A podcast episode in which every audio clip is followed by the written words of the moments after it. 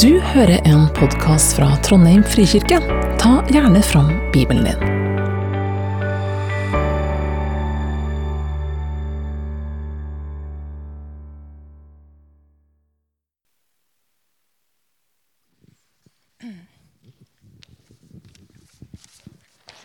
Ja. ja, jeg skal lese eh, om den første nattverden fra Lukas eh, det 22. kapittel og fra vers 14 og til og med vers 23. Da tiden var inne, tok Jesus plass ved bordet sammen med apostlene, og han sa til dem:" Jeg har lengtet inderlig etter å spise dette påskemåltidet med dere før jeg skal lide. For jeg sier dere, aldri mer skal jeg spise påskemåltidet før de er blitt fullendt i Guds rike. Så tok han et beger, ba takkebønnen og sa:" Ta dette og del det mellom dere, for jeg sier dere:" Fra nå av skal jeg aldri mer drikke av vintreets frukt før Guds rike er kommet. Så tok han et brød, takket og brøt det, ga dem og sa:" Dette er min kropp, som gis for dere. Gjør dette til minne om meg. På samme måte tok han begeret etter måltidet og sa:" Dette begeret er den nye pakt i mitt blod, som blir utøst for dere. Men se, han som forråder meg, har hånden her på bordet sammen med meg. For menneskesønnen går bort slik det er bestemt, men ved det mennesket som forråder ham. Da begynte de å trette om hvem av dem det kunne være som skulle gjøre dette.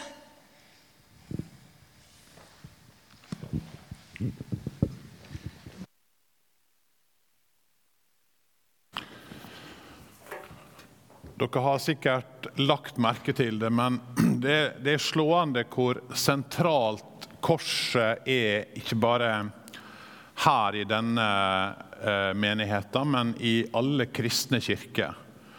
Her er jo ikke så veldig mye utsmykking i Trondheim frikirke, men her er fire kors. Eh, ett der bake og ett på veggen og to her framme. Så det som er av utsmykking, det er korset. Og det er jo helt klart at korset og oppstandelsen er det sentrale i påska. Kors uten oppstandelse, sier Bibelen, det ville ha vært meningsløst. Men oppstandelse uten kors er også like meningsløst.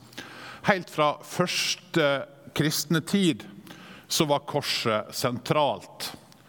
Og Vi kan jo lure på hvorfor de første kristne på en måte valgte et kors som sitt kjennemerke på at de var kristne. Hvorfor akkurat et kors? Og Særlig fordi at korset det var jo et torturinstrument. Det var et symbol på forakt. Det var et symbol på ydmykhet og på nederlag. Og det blir altså det fremste kristne symbolet. Dette nederlagssymbolet som jo korset er. Og Når vi ser på andre grunnleggere av store religioner, så døde jo de eh, stort sett gamle og vellykka, eh, suksessrike, de fleste. Moses han ble jo over 100 år. Eh, og Han førte jo folket helt fram til at de kunne gå inn i Kanaan. Så døde han. Han Buddha ble over 80 år, og han oppnådde jo før han døde å bli opplyst. Det er derfor vi kaller han for Buddha. Muhammed ble ikke så gammel, men han ble over 60 år, og da hadde han samla hele Arabia til ett rike. Og så hører vi altså om Jesus kanskje 33 år, og som dør i en utkant av verden. Han var ikke berømt i det hele tatt når han dør. Og han dør på en kors, forlatt av alle. Og det var den største vanære av alle ting å bli henretta på et kors. Så hvorfor trekke fram dette skammens tre og gjøre det til symbol? For hvis vi tenker se på alle de andre grunnleggerne av religioner, ja, så må jo det vise at Gud er med dem. De oppnådde jo store ting. Og så kommer altså Jesus og dør og virker som han oppnår egentlig ingenting. Du har altså en leder for en religion, en innstifter for en religion, som dør på et kors, og du lurer på hvorfor skulle vi følge han? Men de gjorde det i ikke bare tusenvis, men i millionvis. Hele samfunnet, hele Romerriket, ble i løpet av noen få år forandra og forvandla fordi folk ville følge Jesus. Det er en eh, prest som heter John Stott, en engelsk eh, han er død nå da, men eh, en engelsk bibellærer og prest som har skrevet ei tjukk bok om Jesu kors, som heter The Cross of Christ. Og Der sier han den eneste forklaringa på at korset har blitt så sentralt i kristendommen, det er at det var så sentralt for Jesus sjøl. Det sentrale i korset, til tross for latterliggjøring av dette, til tross for vanære, til tross for spott, det må ha sammenheng med at korset var sentralt for Jesus sjøl. Det er altså ikke noe en ville ha funnet opp, dette her. Jesus må sjøl ha forklart dette for sine disipler. Og han gjorde det flere ganger og på mange måter.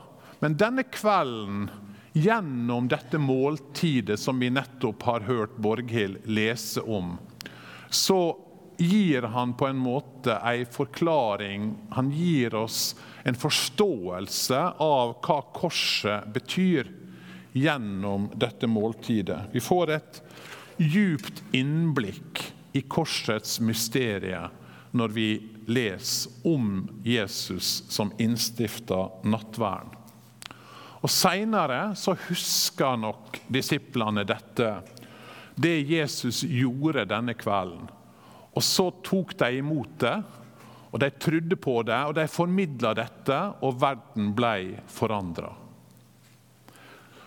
Så noen enkle ting denne kvelden på hva korset betyr, og hva måltidet på skjærtorsdag forteller oss om korset.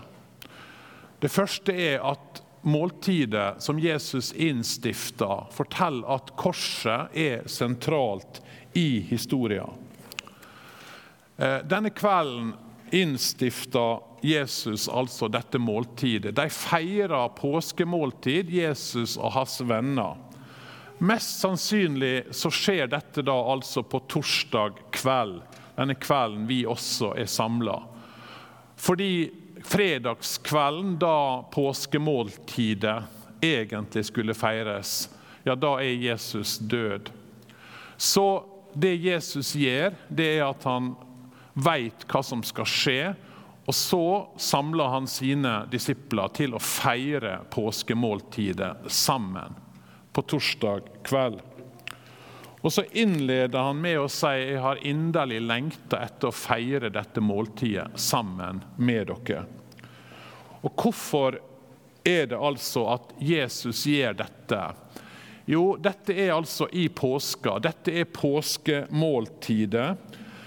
Og det ble alltid feira til minne om den natt da israelsfolket ble befridd ut av Egypt.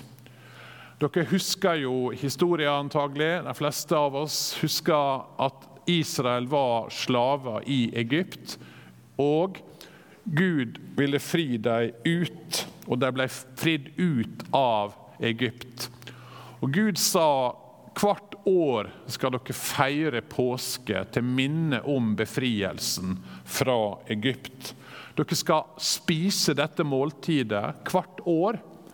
For dere må aldri glemme hvordan jeg førte dere ut av slaveriet, ut av fangenskapet, så i århundre etter århundre hadde jødene trofast feira dette måltidet til minne om det som skjedde ved utfrielsen fra Egypt. Og Under dette måltidet så skjer det jo masse. Vi skulle egentlig ha gått gjennom hele hva er det som skjer på dette påskemåltidet. Men en sentral punkt i dette måltidet det er at den eldste i familien ville ha tatt et beger med vin. Han ville be takkebønner, og så stiller han et spørsmål som den yngste i familien skal svare på. Hvorfor er denne natta forskjellig fra alle andre? Og Så blir det forklart at jo, de var slaver. Våre forfedre var slaver i Egypt, men Gud så på deres lidelse. Og dette er lidelsens brød som de spiste i ørken, i ødemarka. Og så er det altså at Jesus tar brødet og så tar han vin, og så reiser han seg og så sier han noe helt unikt. Han sier ikke 'dette er lidelsens brød', men han sier 'dette er min kropp'. Dette er min lidelse. Må, dette er min kropp som blir brutt for dere. Dette er mitt liv som blir utrent for dere. Og så sier altså Jesus nå skal vi feire et måltid fordi Gud vil fri oss ut fra synd og død og djevelen og alt det vonde. Alle andre offer, alle andre påskemåltid peker hit. Peker hit. Peker på meg. Så dramatisk sier Jesus at dette er. Og så sentralt sier han at dette måltidet er det som han skal gjøre. Jeg er den endelige Moses. Dette er den natta. Det handler om meg. Det er dit hele historien har bevega seg. Jesu død er sentrum i historien. Og Derfor så ble Jesu kors for de første kristne det helt sentrale de alltid kom tilbake igjen til og peka på. Så når Paulus skal snakke om hvordan han forkynte det kristne budskapet, så sier han da jeg kom til dere, så var ikke det med fremragende talekunst eller visdom at jeg forkynte Guds mysterium. For jeg hadde bestemt at jeg ikke ville vite av noe annet hos dere enn Jesus Kristus og Han korsfestet. Korset er det sentrale i historien. Alle påskemåltid peker fram mot dette, sier Jesus. Det dette er den natta. Dette er den natta jeg gir mitt liv, min kropp, for dere. Og Så forteller dette måltidet også at sentralt i den kristne trua, sentralt i hva korset betyr, er at vi blir ført inn i et nytt fellesskap. Denne kvelden når de spiste sammen, så blir vi jo litt sjokkert kanskje over de som sitter rundt bordet. Ikke var de bare en gjeng med hva skal vi si, eh, de svikta jo på så mange forskjellige måter. De forsto ikke hva Jesus var i ferd med å gjøre. Eh, Judas ville jo forråde han, Peter ville fornekte han. De tre som skulle være med i Getseman og, og, og be sammen med Jesus, de sovna to ganger. Og alle rømte når Jesus ble tatt til fange. Så Det var ikke en, var ikke en særlig flott gjeng. I tillegg under måltidet så krangla de, står det, om hvem som skulle forråde han. Og Hvis Borghild hadde lest litt til av teksten, som ikke er dagens tekst, men bare som en fortsettelse, så ser vi at de krangla om hvem av dem som var den største iblant dem. For en gjeng. Men det er disse Jesus sier, 'Jeg har lengta etter fellesskap med dere'. Og Jesus griper på en måte inn i den krangelen om hvem som er den største, og så sier han sånn skal ikke det være hos dere. Dere tilhører et annet slags fellesskap. Et slags opp-ned-fellesskap, der den minste er den største. Og den som er størst, skal tjene de andre. Og det er en hemmelighet her, nemlig at korset forandrer ikke bare meg som individ. Det gjør ikke noe bare med mitt forhold til Gud, men det gjør noe med mitt forhold til dere. Det gjør noe med forholdet mellom oss. Vi blir ført inn i et nytt fellesskap, en ny familie. Og det er store ord. Men tenk litt på hvem var det du feirer dette påskemåltidet sammen med sånn til vanlig? Jo, det var familien din. Det var som ja, julaften er bare småtteri mot påskefeiringa for en jødisk familie. Så det var jo familien din du feira med. Men det Jesus gjør, han tar på en måte disse her tolv, og så sier han nå skal vi feire påskemåltid sammen. Vi er en ny familie. Vi er en ny familie. Han drar dem på en måte ut av familiene sine denne påskenatta og feirer med det. Vi blir ikke bare med i en klubb eller medlemmer i et kirkesamfunn når vi blir kristne. Nei, vi blir en del av en familie. Det er en langt djupere enhet. Dere hører til i min familie, sier Jesus. Og Vi kunne snakka mye om det, og vi burde snakke kanskje mer om det. Hva betyr det i praksis at vi skal leve sammen som en familie?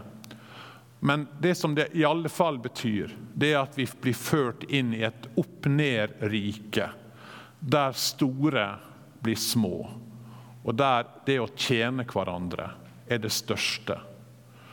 Når disiplene krangla om hvem av dem som var størst, så ville Jesus hele veien peke på den største er den som tjener andre. Verden fungerer på en annen måte, men dere hører ikke lenger til der, sier Jesus.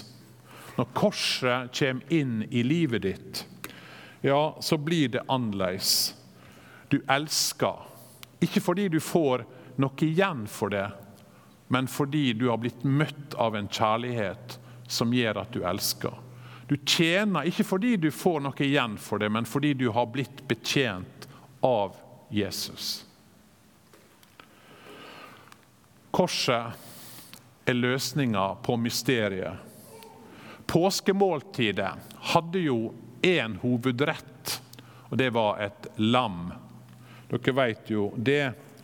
Eh, og det var jo fordi, når vi leser om utfrielsen i Egypta, denne natta da israelsfolket ble befridd ut av Egypt og dro selvfølgelig over Rødehavet og inn tilbake igjen til sitt heimland, til Kanan, så var jo de slaver.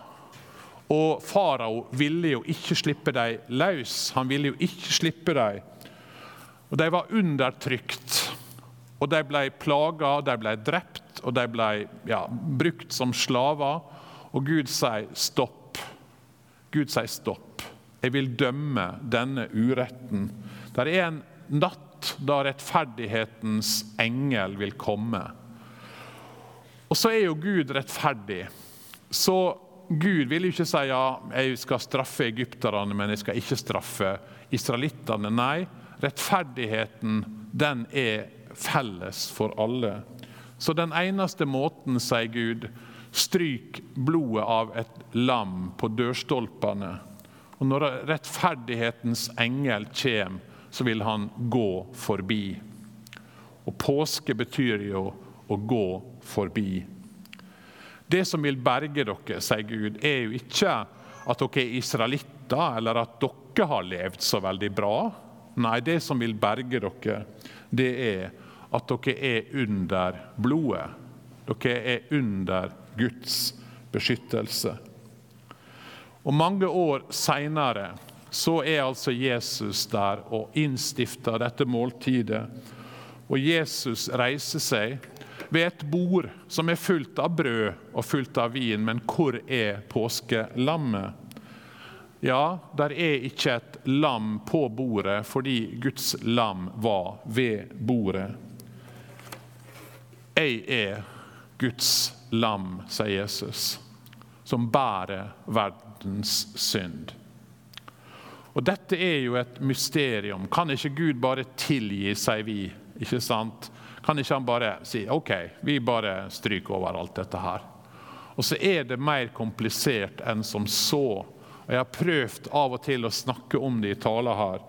At eh, når du virkelig har blitt eh, gjort noe galt mot deg, så er ikke det bare å tilgi. Eh, det er på en måte en pris å betale. Og det er smertefullt, og det er lidelse. Og du kan ikke tilgi uten at du lir sjøl. Tilgivelse vil alltid være kostbar. Så når vi står i skyld til Gud, sier Bibelen, ja, så handler det om at Gud kan tilgi, men han må sjøl lide. Og fordi Jesus er menneske, så kan han lide. Og fordi han er Gud, så kan han betale vår skyld. Og jo mer, jo mer vi ser på korset, så ser vi Guds visdom. Guds, eh, ja, Guds svar på, på disse her dype spørsmåla. Og Paulus han sier ja, det er et mysterium. Men jo mer vi begynner å se hva er det Jesus gjør, jo mer og djupere ser vi hvor høyt Gud elsker oss. Og hvordan Gud gjennom sjøl å ta på seg vår synd og vår straff løser tilgivelsens store utfordring. Og så til slutt. Eh, denne måltidet forteller oss jo også at Korset er noe som vi må ta imot personlig. Jesus, når han skulle forklare hva han gjorde, så, så valgte han altså et måltid. Og det må tas inn. Du kan godt se på et dekka bord fullt av god mat og, og flotte kaker og alt dette her, men, men, det gjør jo ikke deg noe nytte hvis ikke du setter deg ned og faktisk spiser. Slik også med Jesu frelse. Det er noe som må tas imot. Ikke bare én gang, men gang på gang på gang. Det var derfor Jesus sa også når han innstifta dette måltidet, gjør dette så ofte som dere drikker av det. Han ba oss om å gjøre det ofte. Det er akkurat som du kan si ja, men jeg spiste i 2018. Det hjelper ikke deg i dag. Det er noe som hele tida må skje. Og det er noe hele tida vi må ta imot på nytt og på nytt. Jesus inviterer oss til fellesskap med seg. Og så inviterer han oss til fellesskap med hverandre. Jeg har inderlig lengta etter å feire dette måltidet med deg, sier Jesus sammen med de som forrådte han, med de som svikta han, med de som stakk av når det ble for vanskelig. Akkurat sånne som oss er det Jesus sier. Dette måltidet vil jeg feire sammen med deg, der jeg får gi deg mitt legeme og mitt blod, som jeg ga til soning for alle dine synder. En del av dere kjenner kanskje til dikteren Jakob Sande fra Fjaler på Vestlandet. Dere som er vestlendinger, vet iallfall kanskje hvem han er. Han skrev sitt første dikt som tolvåring, ble det sagt. Han Faren var klokker, og han måtte jo følge med på gudstjenesten. og Her er det første diktet han ble kjent for. da. Tolvåringen Jakob Sande. O Herregud, Lad ei din tjener lenger strekke sin pregen ut. Nu er jeg mett av Hans ord, jeg lenges hjem til mitt middagsbord. Det er jo litt Jakob Sande eh, sin stil, dette her, da. Eh, litt morsom, underfundig, eh, humor. Eh, men han hadde jo ei veldig annen side, også Jakob Sande. Han har skrevet tre salmer i, som er i den salmeboka som er Den norske kirke. Tre fantastiske salmer. Hans liv var jo et uh, ganske tøft liv. Um, han, uh, ja, mange ting en kunne ha sagt om det, men han var til dels utsvevende både i sin ungdom og senere i livet. og Han strevde jo veldig med alkohol etter hvert. Og diktet 'I morgen uh, skal jeg begynne et nytt og bedre liv', tror jeg. Det er på en måte oppsummerer nok litt av problemet for Jakob Sande. Han ville ta seg sammen, men han klarte ikke det. Og Det oppsummerer på en måte sånn mange tenker religion nå. Jeg må ta meg sammen, og så klarer en det ikke.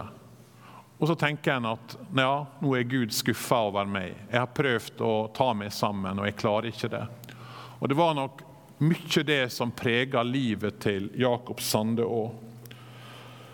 Men det han oppdaga, det var jo det at han, det han ikke klarte, det hadde Jesus gjort for han. Og Derfor skrev han jo også noen av ja, mine favorittsalmer eh, i salmeboka. Eh, dere kan finne dem sjøl, men kanskje det som er det flotteste påskesalmen som jeg vet om, det er denne som han skrev. Du som låg i natt i seine sorgtyngd, vanvørd og aleine. Og Med det så skriver han kanskje litt om sitt eget liv òg. Men så peker han på en måte Styrk du mi veike tru. For han opplevde nok at trua si var ikke så mye å skryte av. Det handler nettopp om det i nattverden et måltid som Jesus innstifta for å styrke og nøre vår veike tru. Det er et måltid der vi på en måte kan vende oss vekk fra oss sjøl og løfte blikket til korset. Løfte blikket opp til Han som hang på korset for vår skyld. Jakob Sande han visste at han ikke var bra nok. Og Vi sitter jo her og veit vel vi også at vi er jo ikke bra nok. Han hadde svikta, at han klarte ikke å ta seg sammen. Men at det nettopp var for de som ikke klarer å ta seg sammen, at Jesus døde. Og Det er det fantastiske med korset og med budskapet i påska. At det er nettopp for oss som ikke klarer å ta oss sammen, og som vet at vi har svikta. Ikke bare én gang, men mange ganger. De som ikke klarte å våke med Jesus i Getsemane. De som stakk av når det, når det ble vanskelig. De som svikta på en og andre måten. De fikk feire dette måltidet sammen med Jesus. Og Jesus sier til dem inderlig lengter etter å feire dette sammen med dere. Og Så sier han det samme til oss. Og så ber han oss om å løfte blikket vekk fra våre nederlag fra vår svikt, fra alt som vi føler vi ikke får til, og løfte det opp på Han. Det er dit våre øyne må vende seg. Jesus, takk for at du gjorde dette for vår skyld. At vi skulle få høre deg til. Få lov å kjenne at til tross for våre svik og våre nederlag og vår svikt, så, så døde du for oss for at vi skulle få ha fellesskap med deg, med hverandre. Takk for at vi får komme til deg nå i nattverden. At du møter oss med ditt gode blikk, med din nåde, med din miskunn. Også denne kvelden. Amen.